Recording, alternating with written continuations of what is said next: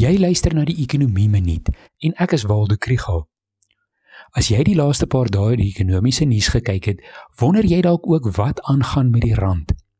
Die rand het verlede week met 3,6% versterk teen die dollar. Dit is 'n 14% verbetering vanaf die laagste vlak van R19.43 teen die dollar op 6 April. Ongelukkig het dit nie veel te doen met die vooruitsigte vir die Suid-Afrikaanse ekonomie nie, maar wel met 'n swakker dollar. Die Amerikaanse Federale Reserveraad het donderdag aangekondig dat hulle monetêre beleid voortaan nie net op inflasie gaan fokus nie, maar ook op werkskepping. Hulle inflasie mikpunt was vroeër 2%, maar hulle gaan nou probeer om 'n gemiddelde inflasiekoers van 2% te handhaaf.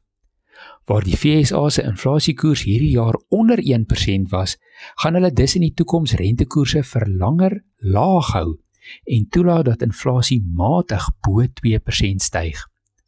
Wanneer Amerikaanse rentekoerse laag is, bied Suid-Afrikaanse skuldinstrumente 'n baie goeie opbrengs.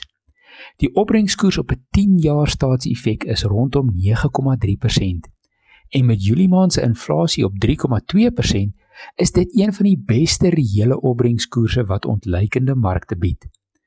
Binnelandse beleggers wat daarin wil belê, koop rande en dan appresieer die wisselkoers. Maar wat beteken dit vir ons ekonomie? 'n Sterker rand beteken dat die koste van ingevoerde insette, veral brandstof, laer is. Dit beteken minder druk op die inflasiekoers en 'n groter kans dat die Reserwebank weer die repo koers kan sny. Dit beteken egter ook dat uitvoer minder mededingend is.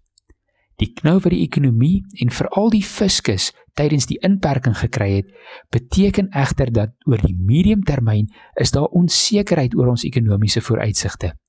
En ons sal dit sien in groter volatiliteit van die wisselkoers.